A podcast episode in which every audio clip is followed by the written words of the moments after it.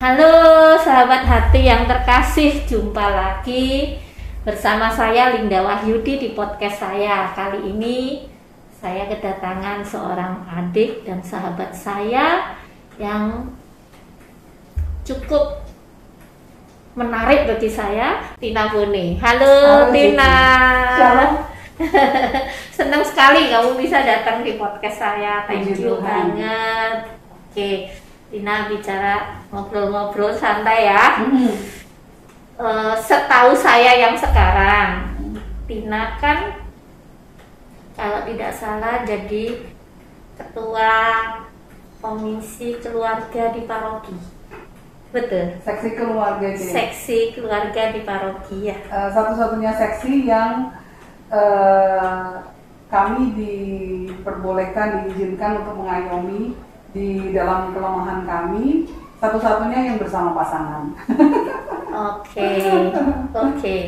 Dan pastinya keluarga ini kan adalah bahan yang tidak akan pernah selesai dibahas. Asik Karena banget. seumur hidup dari manusia lahir sampai manusia meninggal ini di dalam keluarga. Betul. Nah, sebagai yang menangani seksi keluarga paroki, ada nggak pengalaman-pengalaman menarik kamu atau Pak yang lebih tepatnya pasangan kalian loh, kamu dan Herman dalam menangani ya misalnya konseling atau apa pun boleh nggak kamu bagikan buat kita Boleh C, dengan senang hati. Sejujurnya, eh, ketika kami eh, diminta oleh gereja yang kudus untuk melayani Tuhan, kami merasa seperti Musa. Tuhan, aku ini masih muda Tuhan.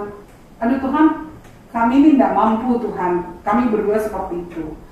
Karena yang sebelum-sebelumnya juga lebih tua daripada kami. Tetapi eh, Herman, pasanganku tuh sebenarnya sudah beberapa kali dimintai bantuan oleh gereja untuk kamu bantu ini ya, enggak Romo. beberapa kali kamu bantu ini ya, enggak Romo. Sampai aku tuh bilang, Mas, kamu tuh please deh, kamu tuh diminta melayani Tuhan kok kamu enggak enggak gimana sih? Terus dia bilang, "Eh, aku belum aku belum merasa ser di tempat di posisi itu. Ya, aku sampai ngerayu dia pun dia juga bilang enggak sih. Salah satunya adalah dia diminta oleh Romo untuk em, untuk menjadi prodiakon.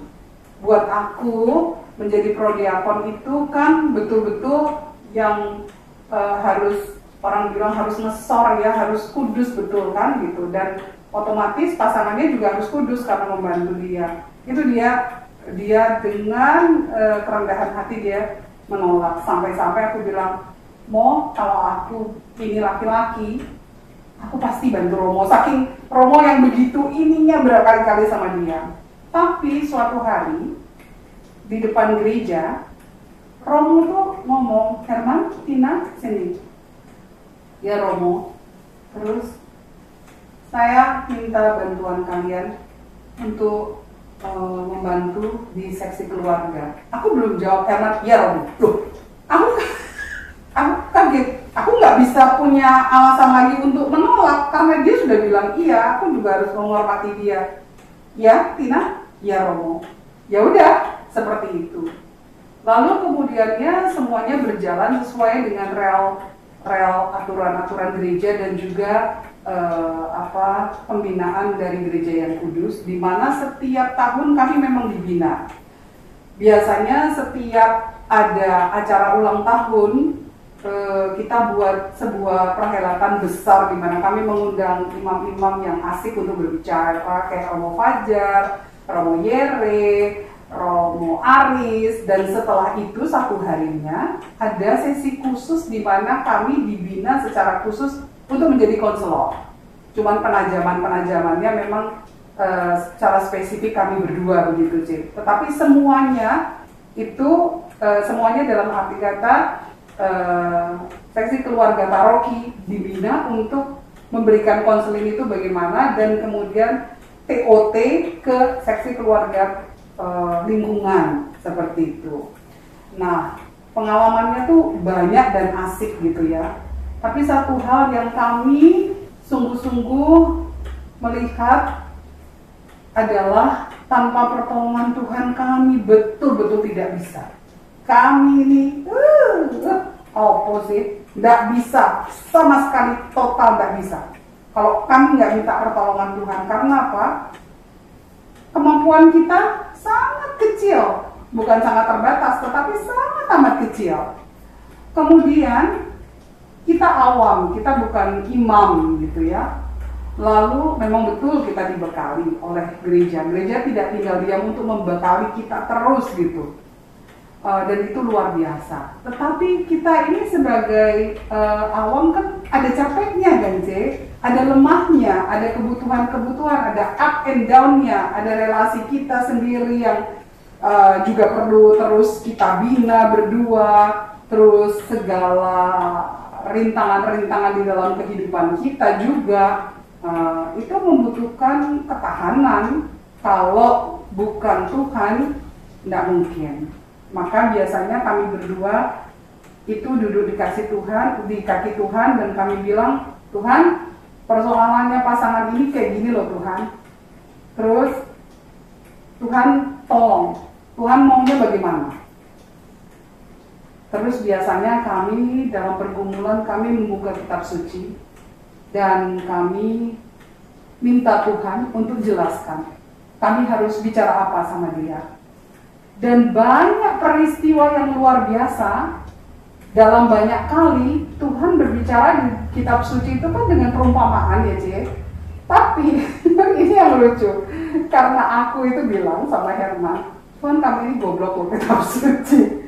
Kan nggak ngerti. Kalau Tuhan ngomong perumpamaan tentu betul loh Cie. Tuhan tuh kasih tuh yang ini ya mereka berdua nggak boleh sombong mereka berdua harus rendah hati dan terbuka. Mulailah membangun komunikasi. Jadi itu tuh kayak tek tek tek tek. Jadi pas kita ketemu sama mereka tuh kayak gampang. Terus mereka tuh bilang gini, oh iya, ya ibu betul gitu ya. Terus pertemuan berikutnya kami mencoba untuk apa yang ibu sampaikan dari firman Tuhan itu dan itu banyak sekali membawa perubahan seperti itu. Walaupun walaupun ada juga yang kami tidak temukan masalahnya. Dan itu sulit sekali bahkan. Jadi e, boleh cerita ya sih jadi suatu kali e, kami dipanggil oleh sekretariat e, untuk menangani sebuah konseling. Nah Eh, saya tanyakan sama suster suster ini yang datang siapa? Uh, seorang ibu. Oh, baik kalau ibu ya one on one dulu ibu dan ibu. Jadi uh, saya datang tuh sendiri tanpa Herman gitu. Ternyata ibu itu sama suaminya gitu. singkat cerita ibu itu menceritakan tentang anaknya yang pernikahannya belum sampai 2 tahun tetapi orang Jawa bilang ujuk-ujuk minta cerai gitu. Mamahnya bilang, halo, kamu ini apa? Dan mereka betul-betul dari keluarga Katolik yang saleh. Keluarga Katolik yang saleh dan bisa dibilang uh, secara materi tidak kekurangan. Dan ibu itu khusus datang dari Jakarta ke Bali karena anaknya itu ada di Bali dan melanjutkan pendidikan dokternya gitu. Dan uh, singkat ceritanya setelah beberapa kali pertemuan kita nggak temukan, kita nggak temukan sih. Kita bawa dalam doa dan kita nggak temukan. Tapi kita terus bawa dalam doa. Dan keluarga ini betul-betul bergumul juga. Sampai keluarga ini, mama ini, jarak jauh itu terus konseling dan dia katakan sampai tingkat keputusasaannya karena kita tidak temukan sih. Uh, Bu, saya kayaknya mau pakai cara lain. Aku sudah mulai berpikir, cara lain itu cara yang tidak di dalam Tuhan. Loh, Ibu kan akan ziarah kan ke Fatimah kan, kalau nggak salah dalam bulan depan sempat share sama saya. Iya. Tapi sebelum itu kayaknya saya mau melakukan upaya lain. Terus aku bilang, Bu, sebentar Bu, Ibu harus bersabar. Karena jawabannya ada di Fatimah. Ibu ndak usah cari cara lain, Bu. Please sabar. Kan kita bergumul dalam doa terus. Terus dia pergi ke Fatimah, pulang dari Fatimah itu, beberapa saat kemudian dia telepon, dia cerita, Butina, ternyata kami mendapatkan jawaban. Di mana pasangan dari anaknya ternyata sudah membina hubungan di dalam hubungan, di dalam hubungan yang resmi seperti itu. Dan itu dibuka oleh Tuhan dengan gamblang dan dengan uh, gamblang dan mudah. Jadi nggak pakai berbelit-belit, Tuhan perlihatkan sehingga oleh gereja bisa terus di um, di follow up sehingga uh, diperbaiki perkawinannya dalam arti kata kalau harus berpisah dengan tata cara gereja yang benar dan uh, itu tidak menjadi kesulitan yang luar biasa bagi mereka karena Tuhan sendiri yang memberikan uh, pencerahan. Nah, hmm, pada waktu kita nggak tahu ke mana ini Tuhan, pada akhirnya kita sadari, oh itu waktunya Tuhan. Waktunya Tuhan tuh bukan waktumu. Jadi kamu jangan sok. kamu jangan sok. Memang belum waktumu untuk menemukan. Kau juga belum bukan kamu yang menemukan itu. Nah, jadi ada juga cerita lain. Uh, salah satunya yang menarik itu ketika Tina begitu begitu uh, tersentuh dan begitu diberkati dengan sebuah lagu yaitu hmm, uh, berkat karuniamu itu itu adalah keluarga yang sebuah keluarga yang indah sekali. Keluarga yang indah sekali dan hmm, kalau kita diizinkan Tuhan untuk membawa Tuhan dalam pertemuan kita dengan mereka kita rasanya bisa lihat sekalipun misalnya rumah berantakan atau apa terus kita duduk wah keluarga ini indah sekali ya. Keluarga ini asik banget gitu. Dan tidak ada alasan untuk berpisah. Kalau datang kepada kita dan mau berpisah secara rohani, secara batin ini apa tuh masalahnya? Masalahnya tuh jadi kelihatan kecil dan tidak ada masalah gitu. Kayak Joger bilang masalah besar dikecilkan masalah kecil ditiadakan gitu kan sih dan itu betul. Tapi dalam masa pandemi ini kami juga memberikan konseling secara online. Pada waktu online itu kami menyarankan beberapa latihan rohani, latihan rohani. Dan setelah beberapa saat kami merasa oh latihan rohani ini tampaknya oleh karena kesibukan kedua belah pihak atau karena kelemahan diri tidak dilakukan dengan mereka. Sebab kalau mereka melakukannya, Tuhan juga pasti beracara dong. Nah, Tuhan kalau dipanggil untuk turun campur tangan, pasti ada hal yang terbuka terlihat. Dan itu tampaknya tuh, oh ini belum ini, belum dilakukan. Sehingga eh, kami berdua bersepakat, yuk kalau mereka mau, kita buat novena. Dan kita datangi, digerebek dengan kuasa doa dan itu kita lakukan selama 9 hari. Kita lakukan dengan selama 9 hari doa novena Bunda Maria Penolong Abadi. Dan itu ibadat kecil dengan keluarga yang indah ini dan salah satu lagu yang diperkenalkan oleh anak yang terkecil. Jadi anak itu masih TK eh, dan anak itu memperkenalkan lagu ini Ya kita lagu ini yuk Oma, panggil aku Oma. Berkat kemurahanmu dan itu sangat memberkati kami berdua karena aku hidup saat ini semua hanya oleh karena kasihmu. Aku hidup hari ini hanya berkat kemurahanmu Tuhan dalam masa pandemi ini kalau Tuhan tidak memimpin kita nggak kuat gitu ya dan puji Tuhan itu pun Tuhan perlihatkan karena aku nih anak militer C aku tuh punya kecenderungan bet bet bet bet, bet ngerjakan sesuatu kelar ternyata Tuhan bilang sama aku slow down Tina pelan-pelan pelan-pelan. Semuanya proses gitu. Tuhan memproses keluarga ini dengan komunikasi yang semakin baik semakin dekat di antara anak-anak dan suami istri terus mereka semakin bersatu di dalam doa itu yang ajaib dan aku sampai bilang oh ajaib Tuhan kenapa karena setelah ber, berbulan-bulan dan mereka tetap dalam uh, komunikasi dengan kami, Tuhan tunjukkan sih ada sesuatu yang membuat kamu nggak suka suaminya. Nih dikasih lihat. Dan itu berasal dari si jahat. Berasal dari si jahat adalah ya itu berkenaan dengan bisnis suami, dengan segala macam seperti itu gitu yang ajaib apa cek? Ketika si istri ini bermimpi di malam hari ada gangguan, suami ini sedang bermimpi, merinding aku semua, merinding.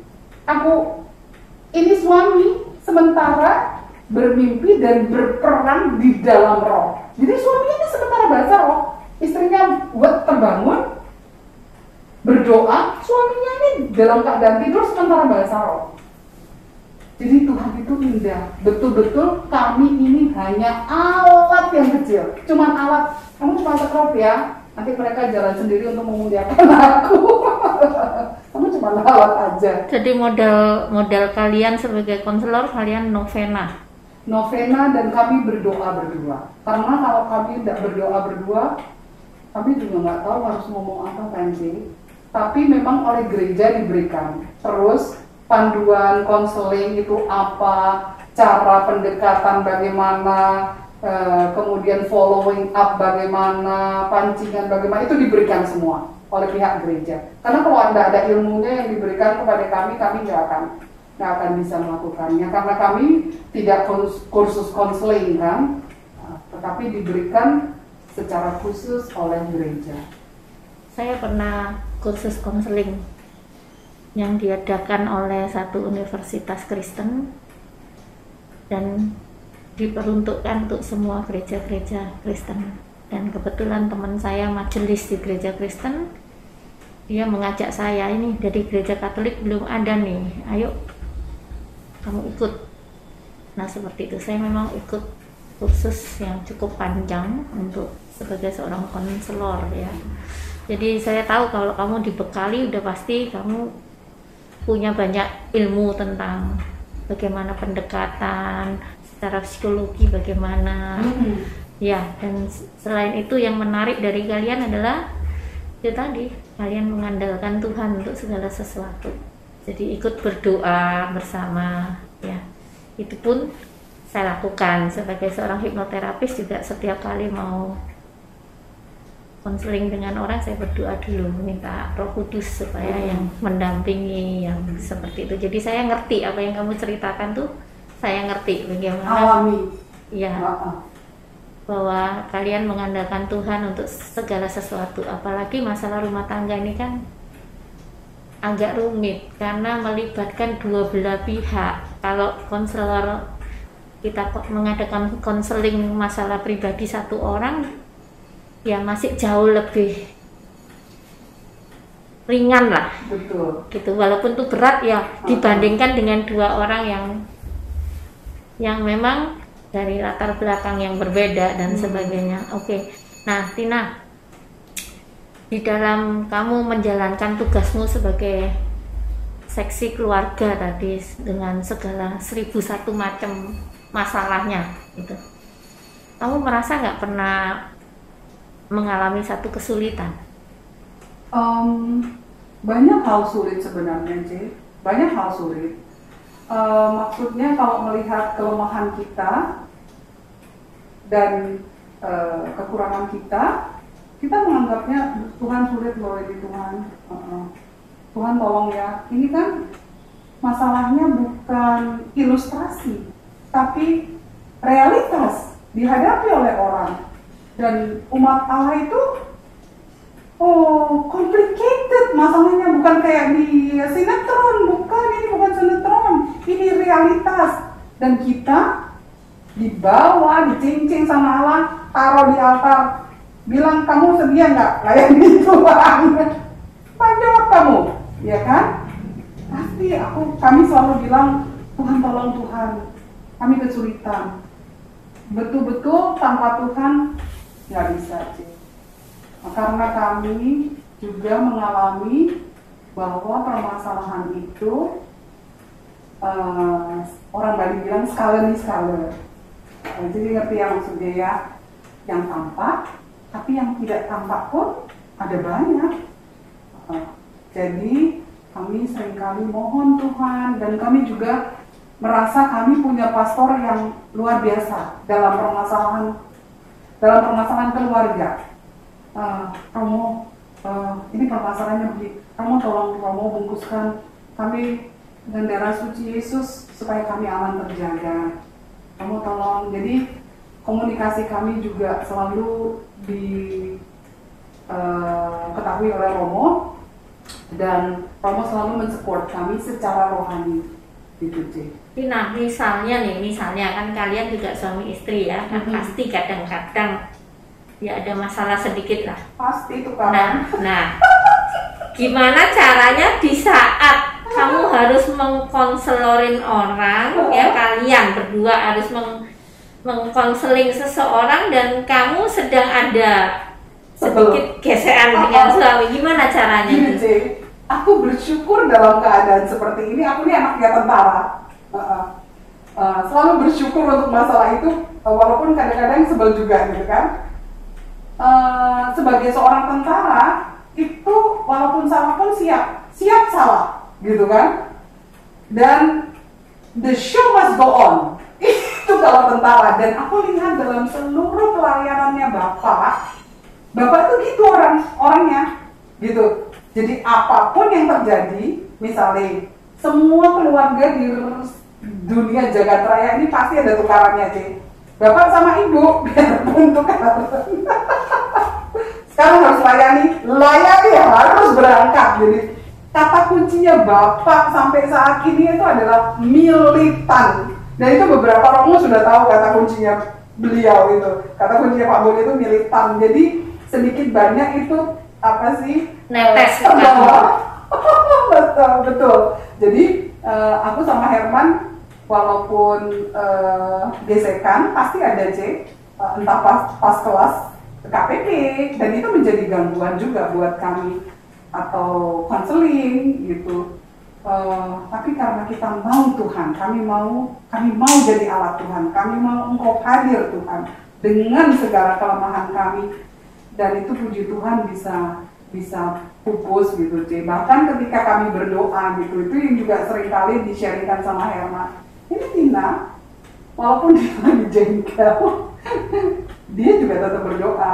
Dan sering kali pas doa dia curhat padahal saya ada di sebelahnya dia bilang hmm Tuhan ini loh Herman Tuhan tadi itu dia kayak gini Tuhan coba Tuhan eh, eh mamaku kayak gitu jadi gitu cara kami mengatasi sih jadi tetap ya dalam kelemahan tapi tetap pelayanan jalan Tetap, terus. Ya, istilahnya kita ini prajurit ya, Cia. ya. Kalau ya aku juga dibina di Legio Maria kan. Um, prajurit itu apa pun yang terjadi ya harus maju, harus maju ke medan perang. Kalau prajurit dunia mungkin mereka nggak punya kekuatan, mereka punya kekuatan senjata. Tapi kalau prajurit Tuhan, kan kekuatannya dari Tuhan. Walaupun nggak lihat kita dan walaupun juga takut gitu loh C sering lo juga C aku takut karena yang miss kala itu gitu kan C tapi hmm, kita jalan kalau pendampingan KPP kamu pernah nggak ngalami sesuatu yang menarik atau sesuatu yang tantangan atau apa pun? Pendampingi calon-calon suami istri? Ah, itu menarik sekali, menarik sekali. Karena em, ketika kami eh, diminta, kami coba berbicara berdua lebih dekat Eh, dengan usia perkawinan kami tiga tahun yang lalu itu baru 21 tahun ya C. Eh, 20 apa 20 ya? Eh, ya, sekitar itulah 20 rasanya ya. Hmm, kami mau supaya jarak eh, eh, apa apa yang diberikan oleh gereja itu menjadi lebih eh, kekinian, lebih kekinian. Karena mereka kan memang usianya eh, usia usia menuju perkawinan. Jangan sampai terlalu terlalu jauh usianya terus enggak em, pengalamannya jadi enggak apa nggak match. enggak match dengan apa yang mereka alami kayak Iya. gitu gitu. Zamannya beda antara Ah, ah, ah, ah. jadi kayak kayak anak-anak PD apa sih sih yang kecil-kecil? PD Agons kan kayak pas eh, ketemuan sama aku terus aku bilang itu loh lagu yang ini loh lagunya kayak gini. Terus kata mereka gitu tante perasaan beda zaman deh lagunya kita nggak tahu.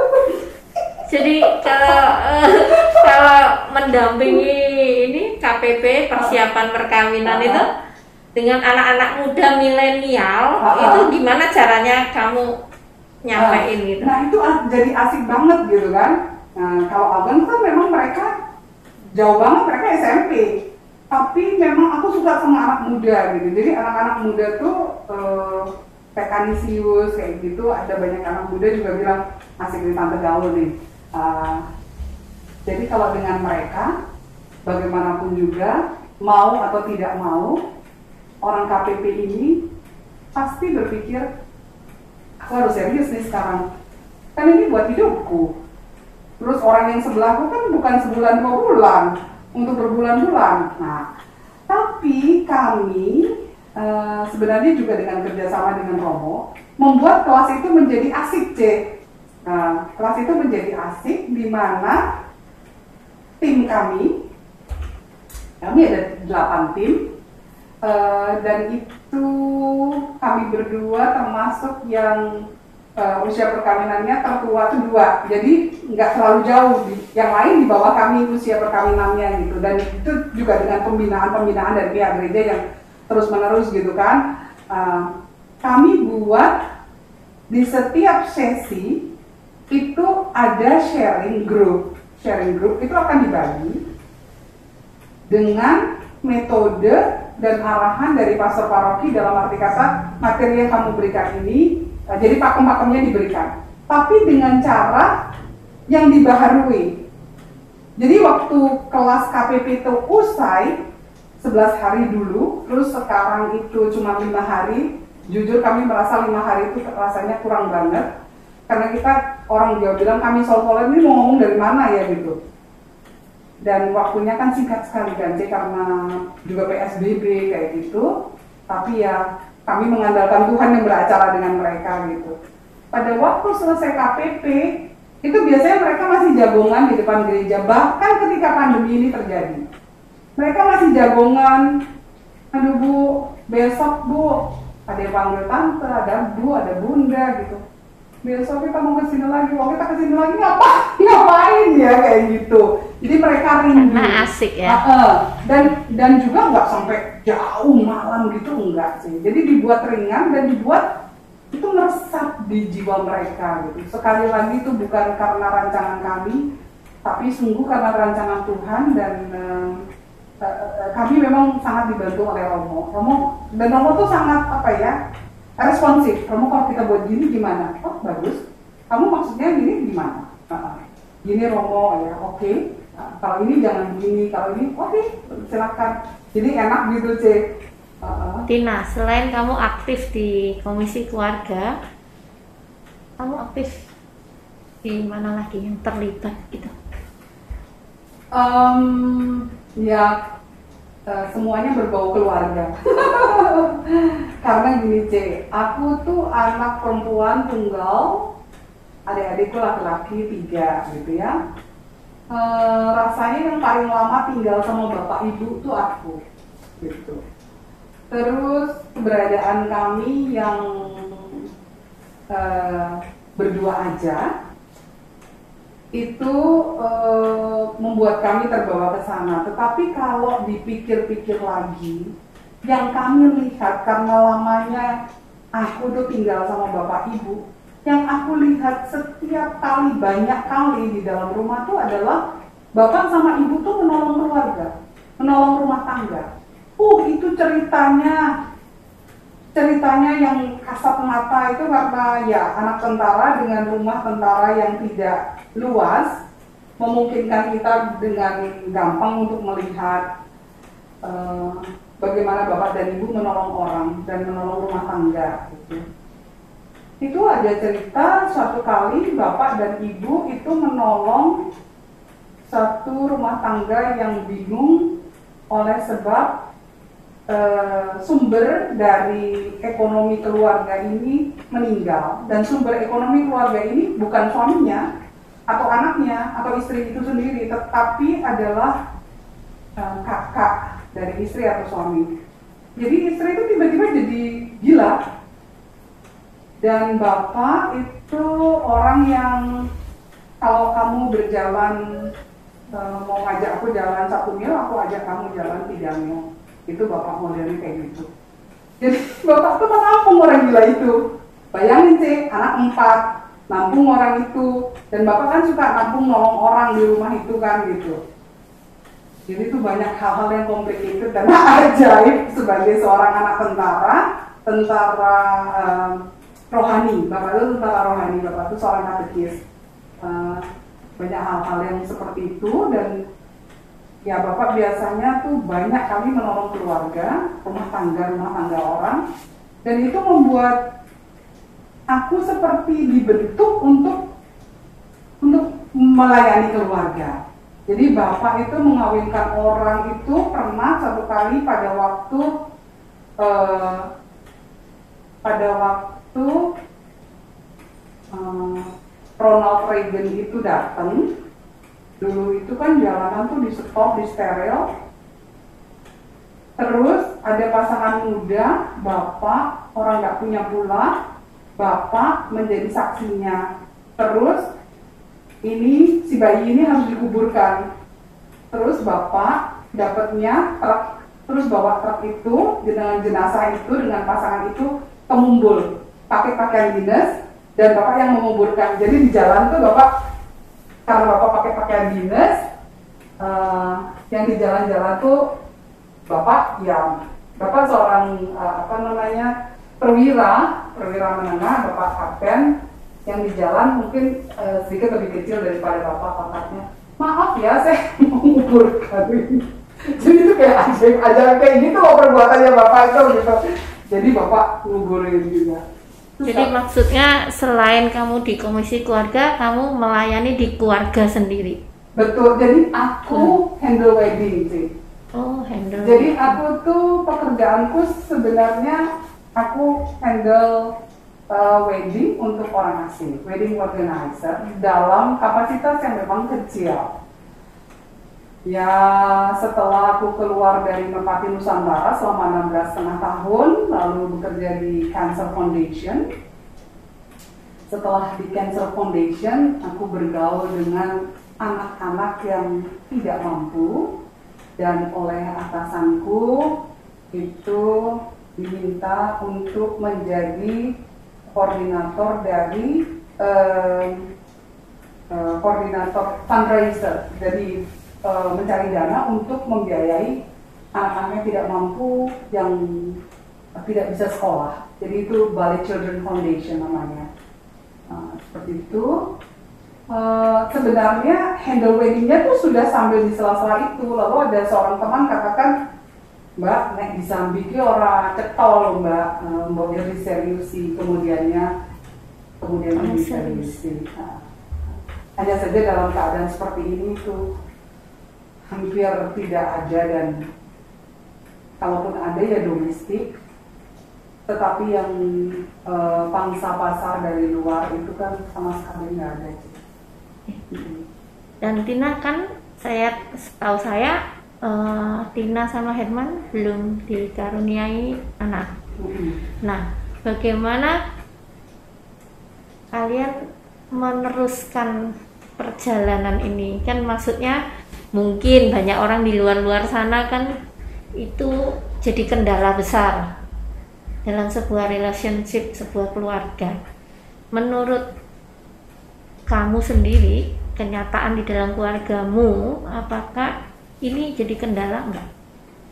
Em, kami berdua tuh cukup kasihan dengan pasangan-pasangan yang tertekan karena mereka tidak punya anak. Pernah suatu kali kami tuh bertemu atau lebih tepatnya dipertemukan dengan seorang istri yang eh, pergi ke dokter untuk memeriksakan kandungannya. Lalu terjadilah eh, pembicaraan di situ. Dia katakan Bu saya ini belum punya anak. Sudah berapa tahun menikahnya? Sudah dua bulan tapi saya belum dua bulan? Iya bu kan sudah lama itu pengantin baru.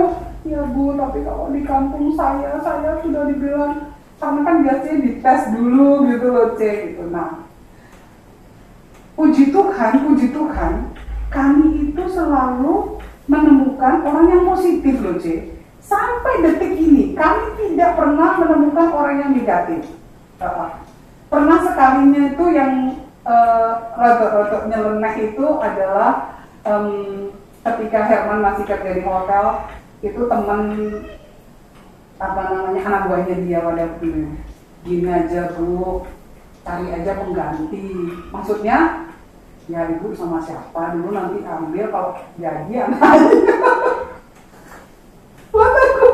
Buat aku itu satu lelucon yang luar biasa gitu kan.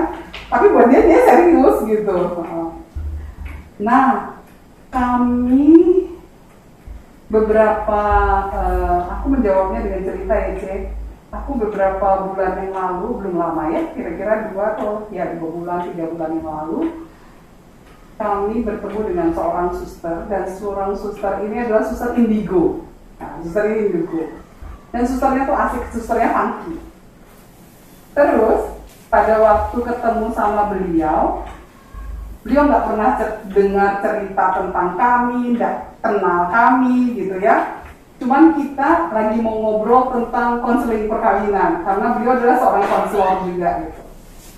Terus kita udah duduk nih berdua. Duduk santai terus suster datang terus duduk duduk juga santai. Terus kata suster gini mau minta anak? Nggak usah. Anak kalian udah banyak mau minta anak pusing kalian. Banyak kan anaknya sama Herman aku lihat dia kan hah oh suster tahu iya ngapain minta anak nggak usah Oh bagus ya. anjing banget suster itu gitu jadi hah suster kok tahu iya kamu kan punya anak rohani banyak mau minta anak kamu punya tugas mau ngomainin mereka gitu orang Jakarta kan ngomongnya kayak gitu kasus kasus gitu ngomongnya oh Ya betul juga toh, anak rohanimu banyak sekali. Mungkin Iya. Tuhan kasih kalian tugas untuk membina anak-anak rohani ini, membimbing mereka. Iya, ya itu persis sama kayak Bapak C. Kan Bapak jadi wali baptis, jadi Bapak Mama dipelesetin, kalau dipelesetin sama Ibu dulu waktu Ibu masih baik tuh Ibu dipelesetin jadi Bapak Mama siksa, kayak gitu, terus wali baptis. Nah, kalau dulu di gereja Kepundung, itu sekretariatnya ada yang namanya Om Sius almarhum. Terus Om Sius tuh pernah nonton Kick Andy. Kick Andy itu mengajukan orang untuk diwawancarai yang saksi kawinnya tuh 200-an orang. Terus Om Sius pas nonton tuh dia protes, ya itu sih gak ada apa-apanya, tanya sama umat saya 600-an lebih. Luar biasa ya Bapak ini. itu bapak gitu kan. Nah sekarang kami juga seperti itu gitu. Jadi kami asik dengan jiwa-jiwa itu. Kami sama sekali nggak ada apa-apanya. Sama sekali. Kami hanya punya cinta sebenarnya C. Kalau kami nggak punya cinta mungkin dari cinta itu aja kami bergerak gitu. Lalu ya anak saksi, anak saksi yang bikin bikin pusing juga ada. Oke, Tina, seandainya kamu saya kasih kesempatan ngomong ya sama orang-orang di luar sana ya, Heeh. untuk ngomong bagaimana nggak punya anak itu nggak masalah gitu. Oh, oke. Oke. Eh, nggak punya anak itu eh, mungkin kalau kita berpikir untuk hari depan kita, hari depan kita, karena kami juga mau tanya Tuhan, ini bukan mau tanya Tuhan, tapi kami sudah meletakkan kehidupan kami nanti kepada penyelenggaraan Tuhan. Kami berdua bilang Tuhan, kami tidak punya anak untuk memelihara kami ketika kami tua. Jadi sungguh-sungguh kami bersandar kepada penyelenggaraanmu. Tetapi di dalam relasi sekarang, ketika ada banyak pasangan suami istri yang tidak punya anak, mintalah petunjuk sama Tuhan, apakah kalian bersepakat untuk mengadopsi anak. Kalau mengadopsi anak, juga pikirkan eh, resiko-resikonya. Tentunya harus dipikirkan semuanya itu. Eh, kemudian adopsi anak, eh, bagaimana masalah dengan adatnya kan itu juga itu hal-hal yang harus terus dipikirkan kan. Eh, tetapi kalau memutuskan untuk berdua saja, berarti kedekatan hati ini memang betul-betul eh, harus dibina, dibina. Maka kadangkala Herman itu pasti kalau suami istri pasti ada bertengkarnya pasti. Tapi kadang-kadang Herman itu bilang seperti ini sama saya, "Eh, Dek, ini ini ini ini ya dia katakan. Terus aku bilang gini, loh, aku juga mau ngomong kayak gitu, persis seperti pendapatmu itu.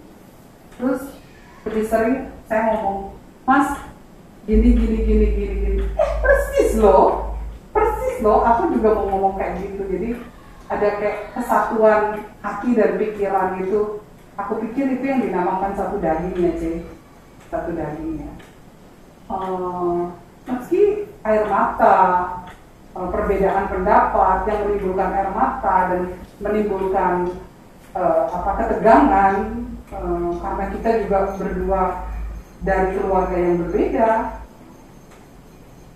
Kami dari keluarga militer yang sangat religius, Herman dari keluarga guru yang yang oke oke gitu. Jadi awal-awal perkawinan kami itu isinya bertengkar kalau mau pergi gereja. Kenapa? Aku 15 menit sebelum misa sudah duduk, sudah berlutut. Herman jam 8 misa, jam 8 berangkat. Sama dengan saya. Ya. Herman gitu dia. Dan itu anaknya tentara kan mungkin cepet sih. Nah, berarti kalian eh, kamu mau pesen sama mereka bahwa tidak punya anak itu bukan satu masalah yang besar. Ya, kalau terjadi eh, di mana kita pada akhirnya dihadapkan pada kenyataan tidak punya keturunan, yang pertama adalah penerimaan. Sebab kalau batin ini tidak menerima, sebelah kita ini bisa dijadikan samsak terus. Karena saling menuduh, ini yang menyebabkan kamu aku nggak bisa punya anak sebelahnya pun kamu. Seperti itu maka dalam gereja Katolik sangat amat disarankan atau yang bukan Katolik pun periksakanlah jauh hari sebelum menikah sehingga kendala kendala yang ada untuk eh, bisa mempunyai anak itu bisa teratasi. Tetapi kalau hati ini sudah nyantol dan tidak bisa pergi ke lain hati, yang pertama harus menerima realitas. Orang yang tidak bisa menerima realitas itu kan mengakibatkan stres, Penderitaan. penderitaan yang luar biasa. Adalah menerima bahwa oke kita sekarang berdua. Oke, mari kita buat asik. Lagian tuh orang sudah berdua, ngapain dibuat dia asik seperti itu. Jadi dibuat asik itu kan tidak harus mewah. kami itu hanya berjarak ternyata 800 meter dari pantai Sanur sih. Jadi kadang-kadang kami mengajak King, King itu anjing kami, ke pantai Sanur. Sesuatu yang sederhana, beli satu es krim, satunya jatuh ke pasir, es krimku, ya udah makan punyanya jadi berdua.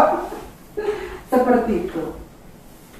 Dan kebahagiaan itu memang harus diusahakan. Bahagia itu harus diusahakan untuk orang beriman tentu tidak bisa tidak menghadirkan Tuhan untuk mencapai kebahagiaan. Kalau orang yang tidak mau, tidak mau kenal Tuhan atau mau cuek untuk tidak peduli Tuhan, karena Tina punya banyak klien yang kemudian jadi sahabat. Nah,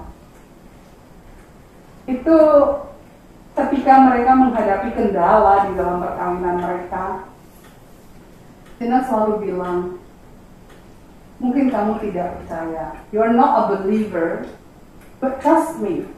If you believe that God is exists, itu modal buat kamu. Undang dong. Mungkin mungkin mungkin juga mereka menganggap aku ini aneh ya. Segitunya kamu. Tentang-tentang kamu yang ngawin kita gitu kan. Tapi itu pengalaman iman. Tina, kamu anak perempuan satu-satunya, ibu bapak.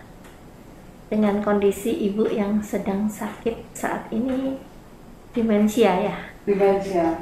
Itu kan tidak mudah untuk untuk merawat, mendampingi seorang yang demensia itu kan dibutuhkan satu mental yang kuat ya. Bagaimana kamu bisa menemani, mendampingi ibu dalam hal ini? Uh, pertama, aku bersyukur karena Herman juga mau ambil bagian dalam perawatan itu, dalam pendampingan itu. Itu yang aku bersyukur banget. Coba Cici pikirin, kita sayang banget sama ibu yang melahirkan kita, terus pasangan kita cuek. Oh, gimana kita sakit hatinya kita ya kan? Herman ambil bagian dalam situ, di dalam situ. Awal-awal itu ketika kita tidak tahu bahwa ibu demensia, itu kita memperlakukan ibu jujur cek ini aku buka aku sampai mengaku dosaku khusus aku akukan dosaku tentang segala perilakuku ketika aku tidak tahu bahwa ibu itu terkena demensia itu perlakuan yang tega banget sebagai seorang aduh aku rasanya aku ingin menghajar diriku sendiri gitu ya. Demikian juga dengan adik-adik. Mereka sangat menyesal gitu. Nah sekarang awal-awalnya tuh belum aku bisa terima karena ibu seorang perempuan yang kuat seorang istri militer yang berprestasi. Dan ibu tuh orang yang berprestasi di Kodam. Ibu seorang perempuan yang pandai yang membuatkan uh, pidatonya ibu panglima. Dan suaranya selalu didengarkan oleh ibu panglima. Ibu juara ini ibu juara itu dan ibu orang yang hebat.